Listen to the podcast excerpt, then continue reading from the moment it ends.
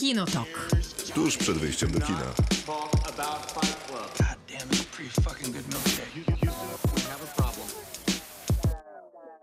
Krzysztof Majewski, Miłosława Bożek. Maciej Stasierski. to jest Kinotok. Dzień dobry, witamy. Dobry wieczór wszystkim słuchaczom Radia Ram na 89,8 FM i wszystkim tym, którzy tego podcastu będą odsłuchiwać jutro, bo jak zawsze będzie dostępny wszędzie tam, gdzie podcastów można słuchać. Dzisiaj tematów mamy sporo, no ale tym pierwszym i najważniejszym, bo o nim rozmawialiśmy z wami w mediach społecznościowych, będą potwory. Czy wybraliście swoje potwory przerażające, straszne i okrutne? To był strasznie trudny wybór, bo jest strasznie dużo fajnych potworów. A, no w tym sensie to był To trudny prawda, wybór, to, to fakt, prawda. to fakt. Maciej, ty masz jakieś swoje ulubione potwory, które zostały ci ukradzione w naszych mediach społecznościowych, bo y, dzielni słuchacze wybierali najlepsze? Niezmiernie mnie zafascynowała ta Dolores Umbridge. A, to też. Y, To było naprawdę coś bardzo fajnego, że, że ktoś uznał ją za potwora. Ale w, mam te dwa, które wybrałem, których, na, na które nikt nie wskazał na szczęście. Super, będziemy rozmawiać o potworach i to już za moment. Później będziemy rozmawiać też y, o rzeczach, które są powiedzmy premierowe albo dopiero co się skończyły, no bo zajmiemy się, dlatego o potworach rozmawiamy na początku, bo później będziemy rozmawiać o... Potworach. O potworach, tak. O Lovecraft Country, które na HBO Go właśnie dzisiaj się zakończyło. 10-odcinkowy serial, który jest naprawdę znakomity. Później jeszcze będziemy zajmować się Netflixową produkcją o Davidzie Attenborough. Nawet dwie ma później. E. Tak, no, ale na, tak. E, Pierwsza to David Attenborough, Życie na naszej planecie. Znowu ci zepsułem, przepraszam. Tak, trochę, ale wybaczam.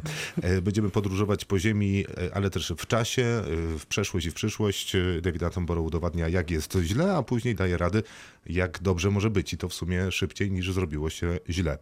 No i na koniec, jak się ogląda pierwsze trzy minuty procesu siódemki z Chi- z Chicago, to pierwsze skojarzenia to Oscary. I będą. Raczej. Też myślę, że będą. Taki mamy plan na dzisiaj i serdecznie zapraszamy. Kinotok. Film. Tu właściwie w tej sekcji będziemy i o filmie, i serialu rozmawiać. Cykl nazywa się W robocie. Maciej? Ja chciałem tylko em, nawiązać do wydarzenia, które zanim, zanim przejdziemy do tych potworów.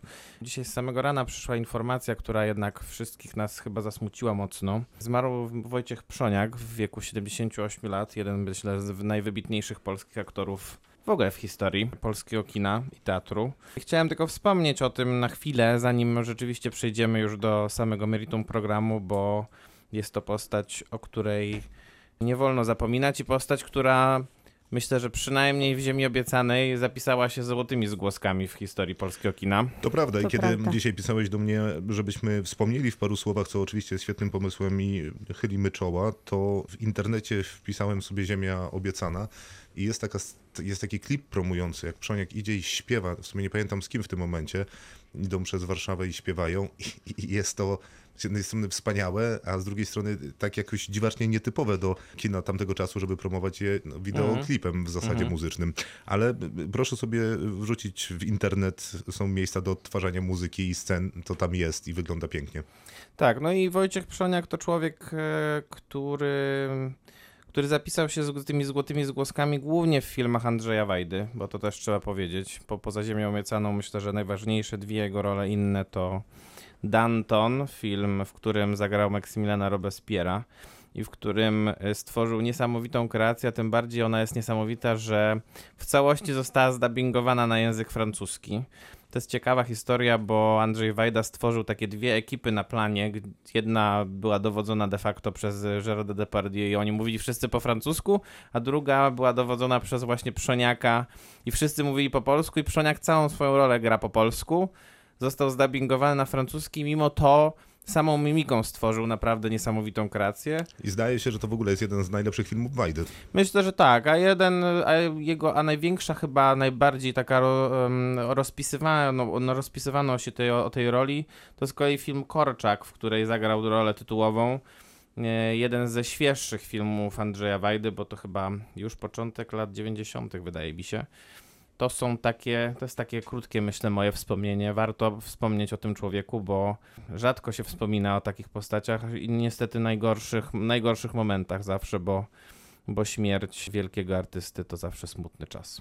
A teraz będziemy rozmawiać o potworach, o potworach, o które pytaliśmy was w mediach społecznościowych w ramach cyklu w robocie, co robimy co tydzień w piątek. Zaglądajcie na Facebooka Radi, Radia Ram też, ale Kinotok Podcast, tam zawsze po- pojawia się pytanie o jakiś film albo jakiś motyw w filmie, zawsze konkretny. Robiliśmy dramaty sądowe i sceny sądowe i prawników, robiliśmy tancerzy i sceny tańczone. Tym razem zajmujemy się potworami. Nasze media społecznościowe są pełne odpowiedzi co do potworów w ogóle, ale na początek Miłka, czy filmy o potworach i z potworami i sceny z, z monstrum najróżniejszym, to jest coś, co w życiu filmowym cenisz, czy zupełnie nie i niekoniecznie? Tak, bo ja jestem wielką fanką horrorów klasy B. Mhm. Zwłaszcza jako dziecko to była moja taka pasja. Teraz to może nawet jest wstydliwe, ale, ale bardzo lubiłam, więc wszystko, co z wytwórni Troma się pojawiało, to ja się bardzo z tego cieszyłam, więc wiadomo, na przykład Toxic Avenger to był taki potwór słodki, taki słodko-gorzki, ale to, co ciekawe, te potwory, które mieliśmy w latach 80., 90., one były raczej niepoważne. Dopiero wydaje mi się, że obcy Gigera tak naprawdę przełamał tą śmieszność tych stworów, które atakowały i miały przerażać, ale raczej były kuriozalne i dziwaczne.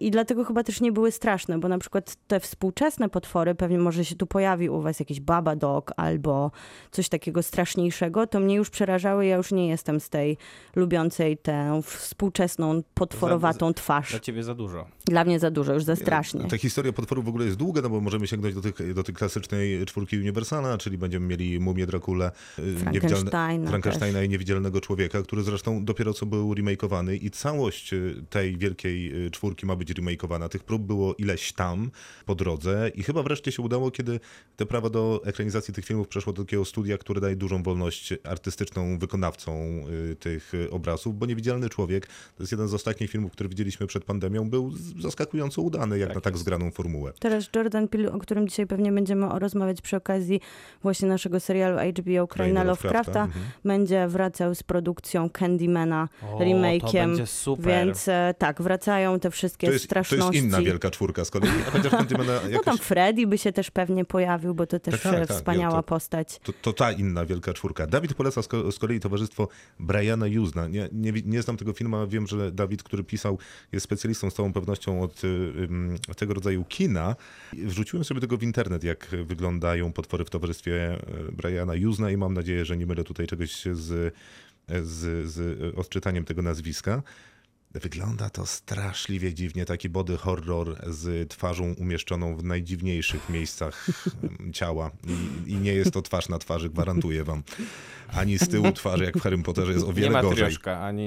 Nie, nie, nie, nie, Był jest też- naprawdę źle. Był też taki creepy film, ale zupełnie śmieszny, zero przerażenia. To była taka twarz zmutowana, trzymana w koszyku.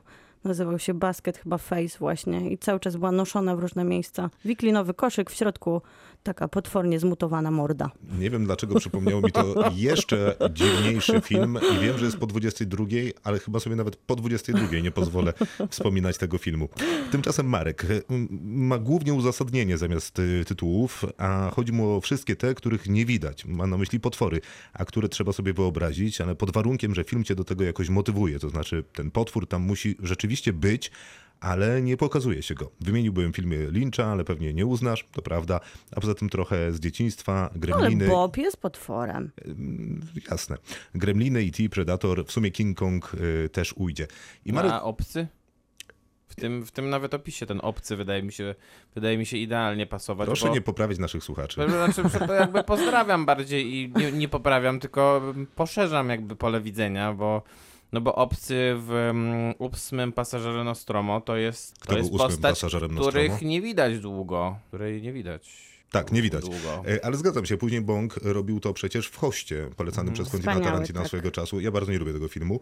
E, Co prawda nigdy nie obejrzałem go po raz drugi, obejrzałem go na jeszcze wtedy festiwalu horroru w Multikinie, który później zniknął, ale był bardzo udanym e, festiwalem film, A nie podobał filmów ci się grozy. naprawdę? W ogóle. No byłem kompletnie zawiedziony. a Poszedłem, Idealna... Poszedłem z dwójką znajomych, z dwójką kumpli na film, na horror o potworze, który zjada i, i ludzi najpewniej. I nie było tego. Zupełnie. No więc jak mogłem być usatysfakcjonowany? Ale to taka hybryda jest wspaniała, że on jest sklejony z takich straszności, które już trochę były, bo trochę to taki wielki Ale karp, tam było jednak trochę dużo... Godzilla, ja Tak, ale tam Dwa- by- 20 koreańskiego poczucia Tam humoru. było jednak dużo koreańskiego, nawet, e, czyta, nawet takich e, tropów koreańskiego kina, czy kore, koreańskiej kultury i to nie jest takie łatwe do odczytania. To tak To jak prawda. oglądać bez przygotowania, nie wiem, filmy irańskie Asghara Faradiego, których których e, jakby konflikty są budowane w taki sposób, że ciężko nam je zrozumieć w, w europejskim... Ale wydaje mi się, Dokładnie że to tak, no też wiesz, jest jak takie... dostaję obietnicę, idę na rozrywkę z popcornem w ręku, z dwoma kumplami, żeby się pośmiać i zobaczyć rozbryzgi Dostajesz krwi do na ekranie, kontemplacji jakiejś rzeczy, no To- więc... to naprawdę to się, wiesz, to się nie skleja. No, no, to prawda. Tymczasem Kuba poleca sklepik z horrorami. I to jest naprawdę wspaniałe przypomnienie, y, Kubo, jeżeli nas słuchasz, bo Sklepik z horrorami był filmem, który obejrzałem gdzieś przypadkiem, ktoś mi go polecił. To jest film na granicy horroru i y, komedii o wielkiej roślinie, która musi żywić się ludzkim mięsem po to, żeby mogła ro- rosnąć coraz większa. Dokładnie. I bawił mnie setnie. I to był jeden z takich pierwszych filmów y, trochę bardziej dziwnych, które w życiu obejrzałem. To w Świetnie ogóle było wspominam. strasznie modne połączenie komedii i horrorów. Wstrząsy, pamiętacie taki film z młodym Kevinem Baconem? Tam takie larwy Z Ethanem atakowały. W sensie. Nie, Kevinem No tak. Który to sobie jest takim niezłym odwołaniem do Duny, która za niedługo miała się pojawić, ale, Ale się nie już pojawi. nie pojawi się. Bo tam te, te pustynne potwory się Które pojawiają. będzie, które będzie grał Christian Bale e, po kolejnej transformacji. Tymczasem Does it have to be human? Does it have to be mine? Where am I supposed to get it? Feed me Seymour. Feed me all night long. That's right, boy. You can do it. Feed me Seymour. Feed me all night long. Cause if you feed me Seymour, I can grow up big and strong. po drugiej stronie jest Dorota, która proponuje ciasteczkowego potwora. Cisza. Czy mamy jakoś zareagować? No nie, no to był dobry dowcip. Dobra no. propozycja. Dobry Brawo. dowcip, naprawdę dobry dowcip. E, Dominika przypomina Vivarium i zdaje się, że chodzi o chłopca, który w tym filmie jest y, tą taką y, straszną postacią, ale ja nie widziałem filmu, więc szczerze mówiąc nie wiem. Ja też nie. Ja nie. I to jest też film, który nie wiem, czy w ogóle miał polską dystrybucję, po, mógł się pojawić właśnie y, w kinach jakoś na przełomie tym pandemicznym. Mm, Okej. Y, dla- Nieznany nam tytuł. Nie, nieznany, więc trudno nam się odnieść. Gratulacje No, dla Dominiki. brawo. Zaskoczyła nas. Tak, to prawda, A liczyłem, że Dominika też właśnie wskazywała Dolores Umbridge, z tego co pamiętam, więc ona, dla okej, niej wielki szacunek. Za Jeżeli chcesz porozmawiać o Dolores- Dolores to. Umbridge, bardzo chcę, zawsze. Nie, nigdy nie chcę, ale wiele osób wskazywało Dolores Naprawdę? Umbridge, nie tylko Dominika. No proszę. Co najmniej parę.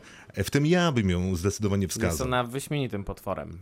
Jest, jest, no jest, jest. Jest przerażającą... No dobrze, ja się przyznam, w czasie mojej edukacji miałem taką nauczycielkę. I to nie jest tak, że to nie każdy miał taką nauczycielkę. A, nieprawda, chyba Bo- każdy miał Mi jakąś się, wydaje taką. mi się, że każdy miał. Skóra zdjęta, no naprawdę. Że to jest takie... Razem z A, tą w ró- sensie fizycznie też? Fizycznie też. No i nawet miała różową filiżankę. Uuu, To rzeczywiście I dużo opowiadała o swoich kotach. Przerażające. Po rosyjsku w dodatku. no, to ciekawe. Nie, po nie, nie. rosyjsku. No to, co zrobisz? No, To mi się bardziej takie kojarzyłoby lekcje. z, z nauczycielkami niemieckiego. tak, Pozdrawiam tak, wszystkie. tak. Ja też wszystkie pozdrawiam. Być może, ale gwarantuję ci, że w w wersji rosyjskiej to też wypadało całkiem nieźle. E, Igor, największym potworem w historii kina był ten dzieciak z Toy Story, który wyrywał zabawką kończynę, a potem wysadzał petardą. Zabawnie. Bardzo Zabawnie. mi się podoba właśnie takie kreatywne podejście naszych czytelników i słuchaczy do, do tych tematów, bo to jest najlepsze. A jest też z jednej strony, a z drugiej strony jest tam dużo takich y, osobistych historii, Tak. y, które wiążą się z tym, że no wiesz, coś cię przestraszyło, jak byłeś młodym człowiekiem, czy tam się kształtowałeś, no i zostało. Co zrobisz? Diabeł Piszczałka. Ze mną był w dzieciństwie. Co to jest diabeł piszczałka? To jest taki polski film z 86 roku na, na powieści pa Kornela Makuszyńskiego Przyjaciel Wesołego Diabła. I taki jest owłosiony, czarny stwór. I on straszył wszystkie dzieci, które przypadkiem zobaczyły ten film, bo kiedyś dzieciom się pokazywało filmy z natury przerażające, jak na przykład Gremliny, które też mnie straszyły. A przecież teraz jak je oglądam, to wydają mi się tak mało straszne. Ale pojawiły się na liście. Jakbyś chciała do niej wrócić, to ktoś z tobą będzie. E, Jakub mówi o mm, musze Cronenberga. Jedna sprawa to wspaniałe przełożenie pięknej bestii na kronenberowską modłę, a druga to tutułowa mucha. Z jednej strony odrzucająca, a z drugiej fascynująca jest ta przemiana. No i Jeff Goldblum, więc chyba wszystko się zgadza, czy trzeba coś Zawsze dodawać, pyta. zgadza. Jak Zawsze jest się Jeff zgadza. Goldblum, to zawsze się zgadza. No i właśnie ma rację. Piotr ma ciekawą y, wizję i ciekawy typ, bo pisze tak. Warto wspomnieć o potworze nieco mniej znanym, za to szerzącym terror subwersywnie, pod płaszczykiem, futerkiem, niewidności i słodyczy.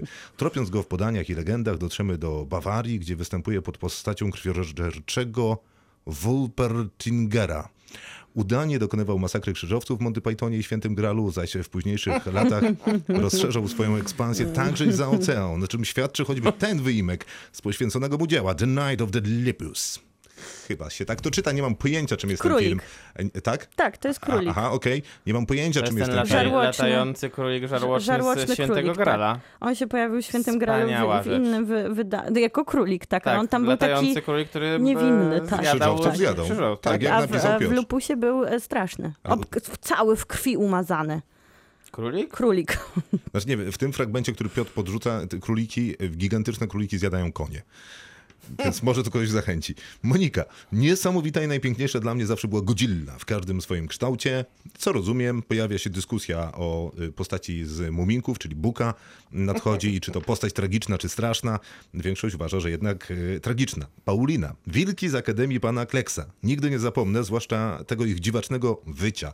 Chociaż piosenka po latach już nie budzi grozy, to jednak wycie ciągle śni mi się po nocach. Ja myślę, że tam było więcej creepy postaci No właśnie, no w Akademii mówię, Pana Kleksa. Sam pan Kleks. Pan Kleks był taki straszne dosyć było. problematyczny, lekko mówiąc. Takie nam serwowali raczej Grimmy bajki na dobranoc. Tak, to prawda. Michał, to ja zaproponuję potwory z kosmosu, ksenomorfa z serii Obcy i tytułowe coś z filmu Carpentera. No i masz. No to jest klasyka klasyki. Bardzo dobrze się ten głos pojawił, bo jakoś bardzo długo nikt nic nie pisał o tychże jakże klasycznych potworach. Aha, i on dodaje, i przepraszam bardzo, że zapomniałem, e, jeszcze Predatora, w którego w pierwszej części podobno wcielił się Jean-Claude Van Damme, który notabene dzisiaj, czyli wczoraj, obchodzi swoje 60. urodziny. 60 Tak. dopiero? Tak, Taki to jest młody człowiek Myślałem, że jest. z 85. No, też bym był w stanie w to całe uwierzyć. życie z nim. To wszystko prawda. Bardzo świetne i znakomite typy i bardzo dziękujemy serdecznie, zwłaszcza za te dłuższe historie, w których y, trochę uzasadniacie skąd ta miłość do konkretnego potwora. My też mamy swoje typy i za moment się nimi podzielimy. Kinotok. Film. Wracamy do filmów o potworach, filmach potwornych i scenach, w których te potwory się pojawiają. Czy ktoś z was, moi drodzy, chce zacząć? Ja mogę zacząć. Proszę bardzo. No to dobrze. To em, trudna to była decyzja, bo bardzo dużo filmów, które chciałam zamieścić na mojej liście, Mhm. zostało zamieszczone przez naszych słuchaczy, więc gratuluję, cieszę się bardzo. To tylko dobrze o nich Więc świadczy. to, oczywiście, więc oddaję tutaj ciche honory Davidowi Cronenbergowi, bo poza Muchą, która jest wspaniała, były jeszcze Dreszcze, Shivers, był Nagi Lunch, więc dużo potworów w ogóle Cronenberg e, się w tym specjalizował i John Carpenter dokładnie poza coś, które nadrobiłam i można by powiedzieć, że to trochę lista wstydu, to przecież miał wspaniałą mgłę z Behemotem, czy Halloween, czy Wioskę Przeklętych. A ja wybrałam trochę, ponieważ e, kocham ten gatunek i kocham wampiry, to w Blade Wieczny Łowca dwójce, który nakręcił sam Guillermo del Toro, pojawiają się Reapersi, czyli tak zwane zarażone pandemią wewnątrz e, wampirów, chore wampiry. Jest to taka wspaniała zabawa gatunkiem, pokazuje, że można zawsze coś świeżego zrobić.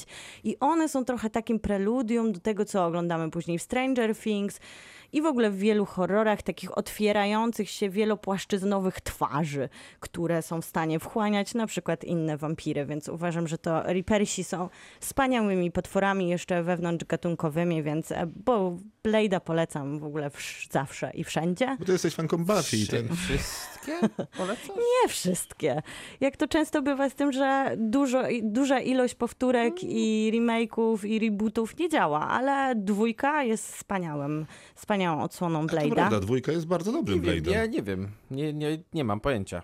Przyznaję się bez bicia, że nie mam pojęcia. Jeszcze, jeszcze jedno tylko mogę wymienić? No wymieniłaś pięć. Nie, no gdzie? Chciałam wspomnieć tutaj o Archiwum X, tak szybciutko idę hoście. To jest ten potwór, który wyłania się z toalety i od tego czasu zawsze niespokojnie zerkam w stronę toalety w nocy. To sprawdziłam drugi sezon, drugi epizod. Wspaniały potwór. I A chciałam... sprawdziłaś to, jak, jak że, że się wyłania? Czy... Nie, sprawdziłam A. w którym odcinku, bo jak wiemy, Archiwum X miało mnóstwo potworów, a ten I był chyba najstra- i mnóstwo odcinków. Najstraszniejszy. I taką dziwaczność chciałam zaproponować, to jest pod skórą Scarlett Johansson u Mm. Jonathana Glazera. Tak naprawdę jest takim, no niestandardowym potworem, ponieważ oczywiście wchłanianie ludzi nie jest, e, no jest, jest e, potworną sprawą, ale też e, to, kiedy ona właśnie Trudno powiedzieć, nie wiem, czy mamy, wiesz, odpowiednie... zrzuca swoją skórę, to jest piękne, bo zachowane w takiej estetyce teledyskowej, którą Jonathan Glazer zawsze proponował, więc mniej strasznie, a zno, znowu tak bardzo artystycznie i symbolicznie. Pięknie. Maciej, chcesz, czy... Mogę, znaczy nawiązując do tego, ja będę, ja będę troszkę wymęczę jednak tą Dolores Umbridge, bo em, ona jest jednak w sobie człowiekiem w pewnym sensie, chociaż jest e, czarowni, czarownicą.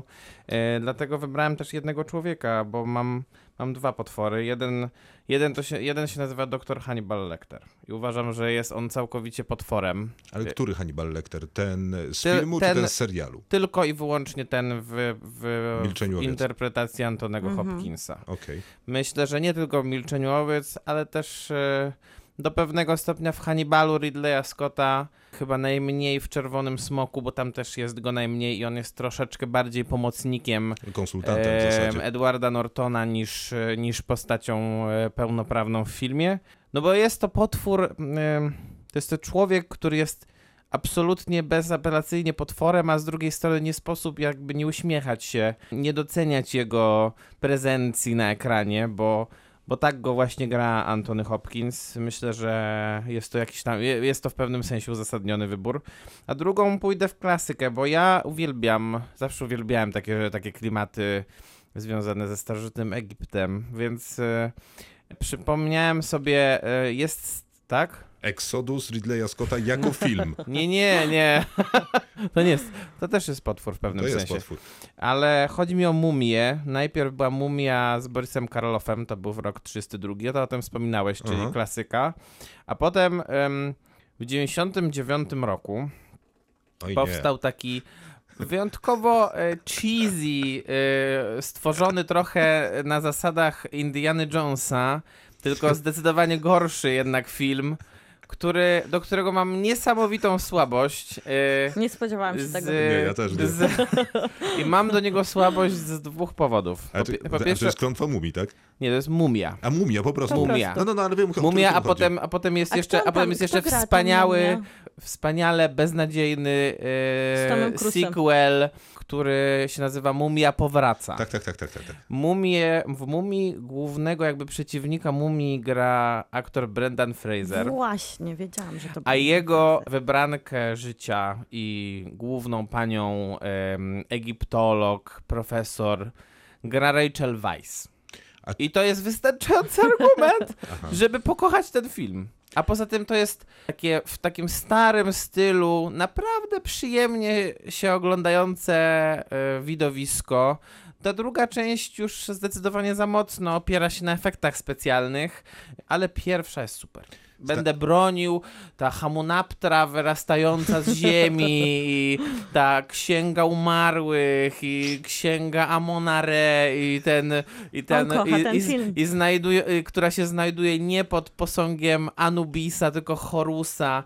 I, a poza tym, przypomnę, Aha. Mumia powraca to jest debiut filmowy Dwayna The Rock Johnsona, który gra tam króla Skorpiona. I rest my case. Krzysztof, czy też, czy też czymś zaskoczysz? No Czy Maciek może ci ukradł twojego potwora? Nie, nie, nie ukradł mi... Nie, nie będę się odnosił do tego, co... Dobrze. Nie będę się odnosił do tego, co powiedziałeś, zajmę się swoimi typami. Ja y, typy faktycznie też mam dwa, ponieważ jeden jest y, sentymentalny, a w zasadzie jest takim y, strachem z dzieciństwa i to jest niewątpliwie dziewczynka z ringa. Wiedziałam, I że szczerze da. mówiąc, Super. Nie mam zielonego pojęcia, z którego ringa, bo trwa ta... Ringu? Bo to jeszcze był ten oryginał. W sensie nie mam pojęcia z którego, ponieważ trwa ta odwieczna dyskusja o tej azjatyckiej czy amerykańskiej wersji. Nie mam bladego pojęcia, który z tych filmów pokazał mi mój serdeczny wujek, którego pozdrawiam, jeżeli słucham, a następnie zabrał się z moimi rodzicami na jakąś imprezę. E, Zostawił cię w domu? Znaczy nie, no był tam gdzieś ktoś w tym domu, kuzyn bodajże, y, tylko nie bardzo mną zainteresowany, skoro sobie tam siedziałem i oglądałem film. Więc jak szedłem spać, to odłączyłem telewizor od prądu i odwróciłem go plecami do ściany. I wyleczyłem się z tego horroru dopiero jak zobaczyłem memy, które polegały na tym, że są płaskie telewizory teraz. I ta dziewczynka w tym horrorze wychodziła z telewizora, więc rozwiązanie na nią było takie, że stawiasz jeden telewizor ekranem obok drugiego, jakby przytulasz je. I to jest jakby zamknięte koło, więzisz ją na zawsze, bo ona wychodzi z jednego i wchodzi do drugiego. Tak było. Ale to jest naprawdę też film, który mi zepsuł Taka parę, historia. No. parę nocy. No to prawda. Nawet- No, faktycznie parę lat chodziłem y, taki dosyć niepewny, prawie że przemykałem przez pokój z telewizorem, no dopóki nie ten mem, no, który mnie uratował. Zresztą było dużo wariacji, na przykład kładziesz telewizor na sedesie i to też jakby załatwia sprawę. Natomiast y, drugim filmem, który w ogóle cała jego magia i wszystkie potwory i istoty nadprzyrodzone i nieistniejące w naszym świecie, a przynajmniej o tym nie wiemy, to jest Hellboy 2 Złota Armia. I tam jest To postać... też film Guillermo del Toro. To też Tak. film Guillermo del Toro, dlatego się uśmiechałem, kiedy Miłka mówiła o swoich typach. I tam jest zwłaszcza postać takiego elementala, ostatniego, który jest y, na ziemi, z którym Hellboy razem z ekipą walczą. I to jest przepiękna postać, która ma w sobie olbrzymi taki potencjał dramatyczny. Jest prawie taki jak Enty z Władcy Pierścieni, tyle że lepszy, bo jego jest być może mniej na ekranie i nic nie mówi, ale Guillermo del Toro, jego umiejętność do opowiadania o swoich potworach, bo to są jego potwory, on wielokrotnie w wywiadach przyznawał, że te wszystkie stwory, które on tworzy w swoich filmach, to są te stwory, które chowały się w jego szafie, w jego pokoju, jak on był małym dzieciakiem i te, które były pod jego łóżkiem, a dlatego je pokazuje w filmach, żeby wyleczyć się ze swoich dziecięcych traum, żeby Przecież potwór- oswoić się z tymi potworami, zacząć z nimi rozmawiać wtedy. Ten z kształtu Z, wody też? albo z, Wtedy przestają z być potworami. fauna jest Ach, ten też, przerażający. o, ten Jest, jest, ale to wspominałem, że Martyna właśnie z Labiryntu, Guillermo del Toro, e, przypominała tego, e, tego stwora. Tak, i w ogóle przypominam, że Hellboy 2, Złota Armia, jeżeli chodzi o te stworzenia, scenografię i kostiumy, jest filmem absolutnie fantastycznym. Brawo, super. ale Dziękuję. generalnie i tak ja wygrałem. Nie, nie, no, to, ja nie mam żadnych wątpliwości co do tego. Za moment Kraina Lovecrafta, która na HBO Go właśnie dzisiaj dobiegła końca, 10 odcinków czeka na obejrzenie, a my za moment o serialu rozmawiamy.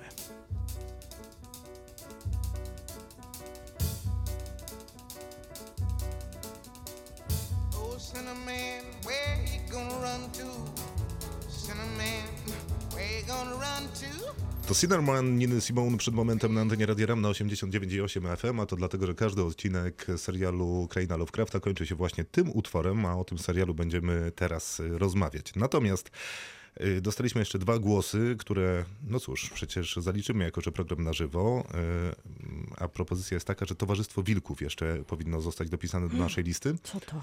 Nie wiem, ale Nie powtarzam. Braterstwo drugie- Wilków? Drugie zaskoczenie. Braterstwo Wilków to już by było łatwiej, ale To Towarzystwo był taki Wilków... film, nie? no był. Francuski. Pamiętam, że Ale były potwory na tam? telewizji Puls można było go oglądać tak mniej więcej z 60 razy w ciągu miesiąca.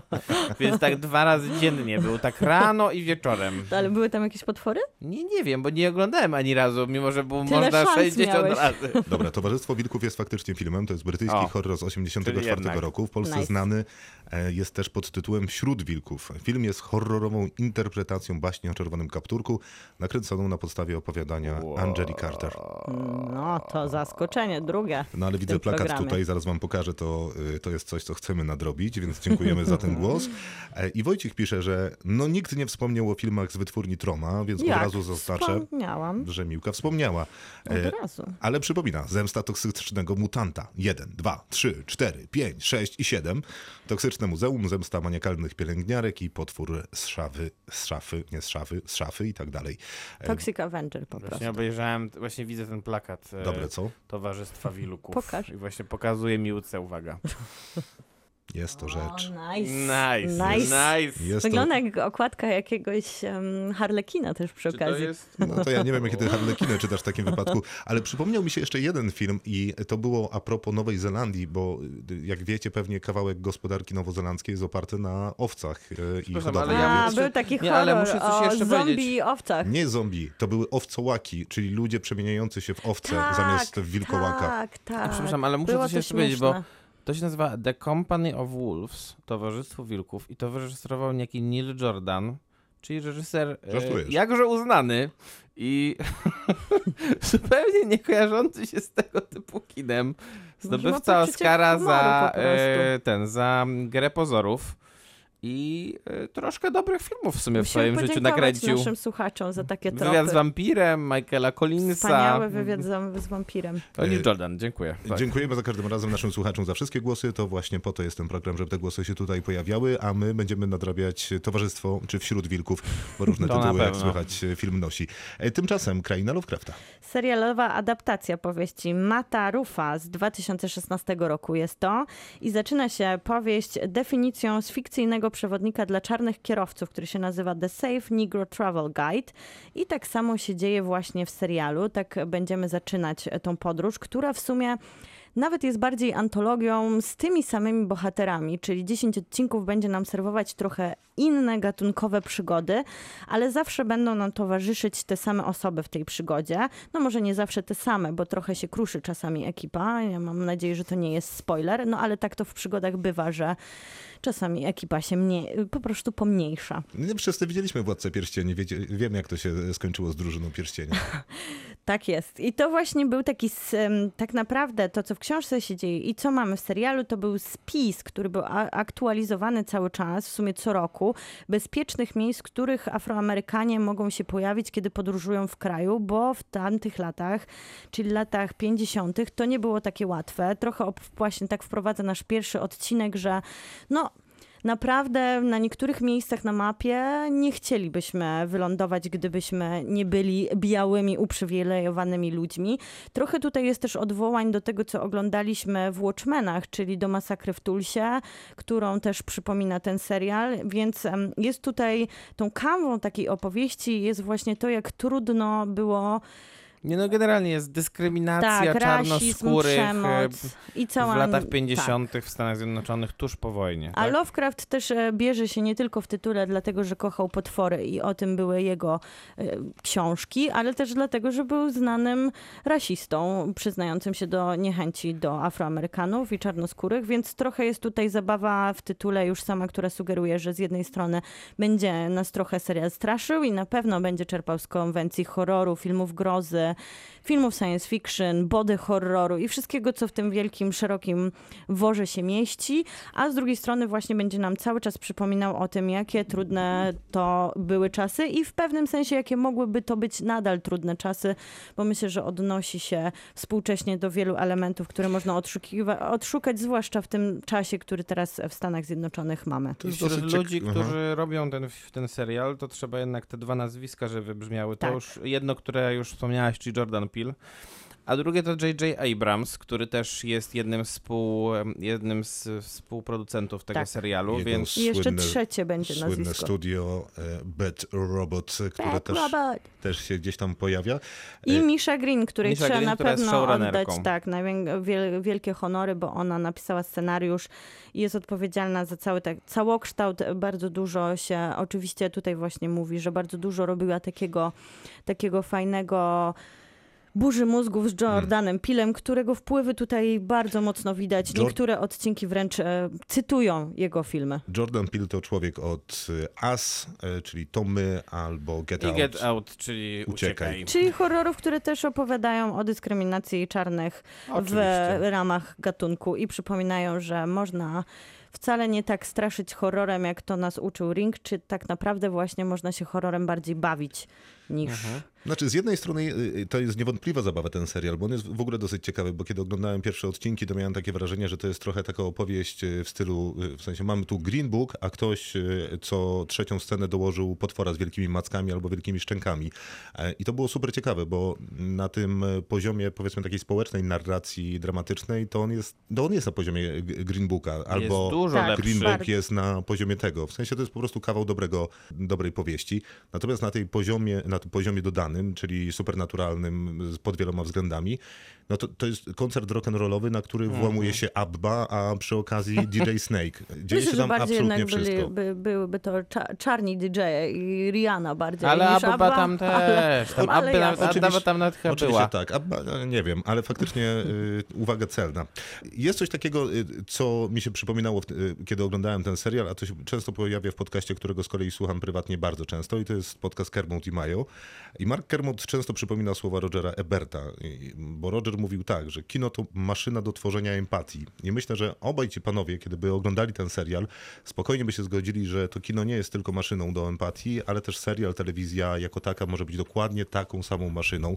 Niewiarygodnie mi imponowało, jak Kraina Lovecrafta ma taką uni- unikalną umiejętność mówienia w sposób szczery, ale nie banalny, ważny, ale nie taki patetyczny, mądry, ale też nieprzemądrzały, e, a jednocześnie udaje jej się być w tym wszystkim dowcipna, szybka, cięta i znakomitą, i, i być znakomitą rozrywką. Jakieś niewiarygodnie rzadkie. I szczerze mówiąc dawno nie widziałem tak mądrego i skupionego serialu, w którym jak się mówi taki banał, że kino to wspólna robota, czy że tam, że wiele dywizji e, pracuje nad tym tworem, to tutaj wyjątkowo widać to zaangażowanie i producentka, producenta, showrunnera, reżyserów, ale też pionów właśnie kostiu, y, kostiumu, scenografii, muzyki, dźwięku, montażu dźwięku. No jakaś niemożliwa robota. To, No co bo- HBO Go robi, HBO jest dla mnie niewiarygodne, bo to jest ich drugi hit w ciągu miesiąca. To jest w ogóle, tak jak mówisz, że trochę umiejętność pomiędzy w tym samym czasie, kiedy mrugasz okiem albo cytujesz, jest, jesteś w stanie przekazać bardzo ważną prądu to niedobrze. informacje i tutaj to, co powtarzali aktorzy i Misha Green, co im przyświecało, to właśnie w sumie chyba takie clue tego serialu, że chociaż to zabrzmi może trochę tak cheesy, to, że największymi potworami są właśnie ludzie i ten serial to pokazuje, wyciągając przy tym wszystkim wszystkie znane nam potwory z szafy, bo to są, to cytat goni cytat. Tak naprawdę ten serial jest złożony z tego, co znaliśmy w filmach od e, kina przygody i przecież mamy Indiana Jonesa, No, mamy trzeci, Judy trzeci czy Gerland. czwarty, czwarty której- odcinek jest w całości Tak, poświęcony. Jonesa. Mamy body horror, wspaniale. mamy podróże w czasie i to wszystko jest cytatem. Mamy to, że Misha Green kocha film horror e, It Follows i dokładnie też jakby cytuje tutaj cały ten zabieg, który oglądamy w It Follows i przyznaje się do tego otwarcie. Buffy, postrach wampirów, Tak, tylko to e, jest wszystko to Inna. W wypadku tego serialu, że on faktycznie ma dużo cytatów, ale jakby Ale- nie robi z siebie erudyty, No właśnie, który do siebie nie dopuszcza. Że to jest też fan, fascynujące, że on jest mimo to świeży, bo wydaje się, że tak często mówimy o hybryda gatunkowa, o powtarzamy pewne Każdy teraz jest motywy. taki, musi Wydaje się, że każdy teraz jest taki i musi być, ale kraina Lovecrafta robi to w taki sposób, że za każdym razem nas zaskakuje, po prostu zmiata mnie jako widza z powierzchni ziemi zabiegami, które używa. Od tej na przykład body horror i mamy transformacje fizyczne, to jest też serial, w którym naprawdę leje się dużo krwi, ale podobnie jak właśnie u Tarantino, Indie. ta krew jest e, przerysowana, chociaż są momenty, no Ja właśnie, wiem. No, no, no. jak z tą transformacją Czasem jest to bolesne fizyczną bardzo właśnie, jednak. gdzie na przykład finał odcinka jest na tak brutalny, gdzie mamy ten odcinek poświęcony z, zmianie cielesności, A, tak. że w- wręcz musiałam odwracać wzrok, co To też mnie nie teraz- spotkało dawno w telewizji. O krainie Lovecrafta rozmawiamy, serialu, który opowiada o latach 50. w Ameryce, tylko że do lat 50. w Ameryce i do historii czarnoskórych dorzuciliśmy wszelkiego rodzaju możliwe potwory i faktycznie można mieć wrażenie, jakby się grało w sesję RPG albo I- jakąś taką. I Jakby bohat- się... No proszę, Nie proszę. nie mów, A mów. proszę. ale nie mów. Ja Jakby powiem. się oglądało też trochę taką antologię, bo każdy odcinek jest e, poświęcony tak naprawdę innej tematyce, chociaż bohaterowie antologia pozostają tak. No to był em, pewien mój pozostają problem. Na bo- początku. Yy, tak, i to duży, bo jakby zupełnie nie spodziewałem się tego, że serial jest antologią. Myślałem, że jest taką odpowiedzią od A do Z i kiedy obejrzałem pierwsze dwa odcinki, które były wow, były wspaniałe. I mówię, ale to będzie świetna opowieść. W ogóle nie mogę się doczekać. Chciałbym poznać tego, tego, tego, tego, tego, tego, tego, tego i e, pięć sezonów, proszę, e, HBO zamawiam robić. No i okazuje się, że trzeci e, odcinek, czy też finał drugiego zapowiada, że ta zabawa nie będzie za długo trwała i trzeci odcinek jest zupełnie inny. Dlatego moja recepcja trzeciego odcinka jest prawdopodobnie najgorszą z całego serialu, bo był zawodem po pierwszym i drugim. To się wygładza gdzieś w okolicach czwartego, bo dostaje Indiana Jonesa, a W później... okolicach czwartego. Czyli, Czyli- generalnie czyli tak po jest, 45 jest minutach. rozczarowanie w tym trzecim, ale już się wygładza w jest okolicach czwartego i tak do końca. Nie, nie, bo, y, y, bo wtedy jakby zrozumiałem zasady gry, że to może, że to faktycznie jest antologia, Tak. ale w okolicach szóstego zacząłem rozumieć, że poza tym, że to jest antologia, to przy okazji ta historia, która dzieje się, Się toczy, mimo jednak, tam tak. przeskoków dosyć Cały dużych czas czasowych, to cały czas ma się. sens i bardzo, do, bardzo dobrze się łączy. Natomiast nie do końca rozumiem potrzeby tych prze- przeskoków e, czasowych. Wspaniałe to jest, to jest właśnie to, co Tak, sprawia, że ten serial jest taki świeży, że potrafi się zabawić konwencją w taki sposób. Ale w sensie mógłby robić jeszcze- to samo. Ale tutaj masz takie doświadczanie tak naprawdę właśnie tej historii kina, kina tak naprawdę, bo na przykład mamy odcinek poświęcony Korei, gdzie oglądamy mm, No ja filmy rozumiem. wojenne Nie, i no na okej, przykład, bo on ciągle opowiada, nie, bo poczekaj, nie są bo on ciągle opowiada o rasizmie i tam też doświadczamy właśnie ten rasizm, których doświadczyli tak, czarni z- żo- żołnierze w e, Korei. Z drugiej strony czerpiemy z folklorystycznych opowieści o, o demonach, które faktycznie w Korei miały miejsce, czyli Kumiko. I to jest taka wspaniała zabawa, że można opowiadać historię, ale ona może mieć tyle poziomów i A tak nie, można nie się nią odpowiadasz na moje pytanie, chciałbym tylko zaznaczyć.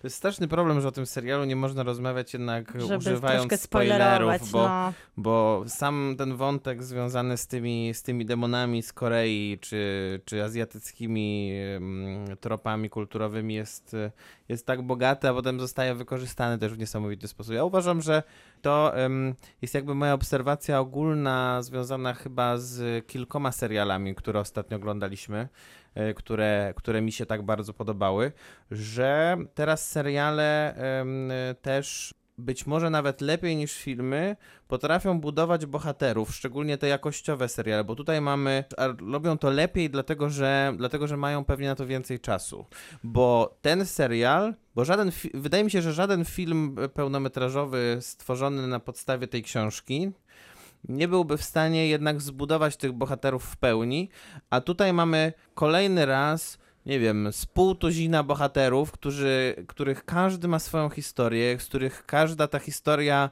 wywołuje jakieś emocje, więc to jest naprawdę olbrzymie osiągnięcie. Wiesz co, nie, zgodzę się z tobą, ale od razu się nie zgodzę, bo wydaje Bardzo mi się, proszę. że tak jak z filmem i serialem jest dokładnie tak samo, że jeżeli Mhm. ktoś potrafi to zrobić, to buduje świetne postaci, niezależnie czy to jest film czy serial. I wydaje mi się, że ten serial po prostu to potrafi. Okej. Natomiast to, co daje, s- jaką przewagę nad filmem serial daje twórcom na podstawie tego serialu, jest to, że ma czas na budowanie drugo- czy trzecioplanowych postaci. No to na I tak pewno. jest w Tak, wypadku tego to na serialu, pewno. bo najlepszą postacią całej tej historii jest postać drugoplanowa. Jest najlepiej zbudowana, jest w niej nieskończony tragizm, nieskończona kontrowersja, jest nieskończenie ciekawa. W przeciwie... znaczy, może nie w jakimś olbrzymim przeciwieństwie do pierwszoplanowych To zachęcam, postaci. żeby się on nazwał, bo się pewnie zgodzimy.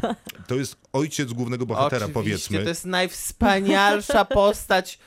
Ja nie wiem, czy to, nie jest, czy to nie jest najwspanialsza postać w ogóle, jeśli chodzi o telewizję w tym roku, bo to jest, Jest to możliwe. to jest po prostu, już, już abstrahuję od tego, jak jest zagrana ta postać niesamowicie, to jak jest zbudowana, jak, jak dużo jest tej tajemnicy w tej postaci na początku. Ale które- sprzeczności wewnętrznej jest Tak. tam po prostu na... No i cały jej wątek, który jest poświęcony Jest wręcz cały odcinek w przepiękny. tle jest przepiękne, zwłaszcza, że często komentujemy tutaj, że te wątki powracające, e, tutaj nie będę mówić jakie, bo to będzie pewien spoiler, Tak, tak. E, są tak, e, czasami ma się odczucie, że są wrzucone na siłę, żeby być bardzo współczesne Mówimy i w żeby komentować, tak, i żeby to- komentować to rzeczywistość. to, na co narzekam tu co tydzień. A tutaj to się dzieje tak naturalnie, tak płynnie, tak pasuje do opowieści, do tego rozedrgania tej postaci, tak ją wspaniale Bo ja na przykład- uzupełnia Mhm. po prostu. Bo uważam, że na przykład y, doskonale też jest zbudowana też postać drugoplanowa tak naprawdę, czyli postać pani, która, która nosi najpiękniejsze imię na ziemi chyba, a mianowicie się nazywa Hipolita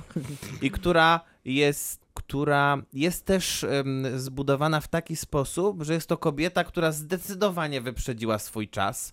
Zupełnie nie potrafi się odnaleźć w tym środowisku, w którym istnieje, bo ona nie chce być e, po prostu kurą domową i nie chce być od, od, odsuwana na drugi plan, tylko chce walczyć jednak o to, że ona jest, ona chce być, nie wiem, naukowczynią czy Odkrywczynią. odkrywczynią. Podróżniczką. Tam jest taka interesująca scena a propos tego, co mówisz, kiedy ona konfrontuje się ze swoim mężem. Powiedzmy, że tak to mniej więcej wygląda e, po Ze to, swoim żeby, ja. żeby nikomu nie... Tak, oczywiście ze swoim ja, ale akurat reprezentowany Tak, przez tak. jej męża.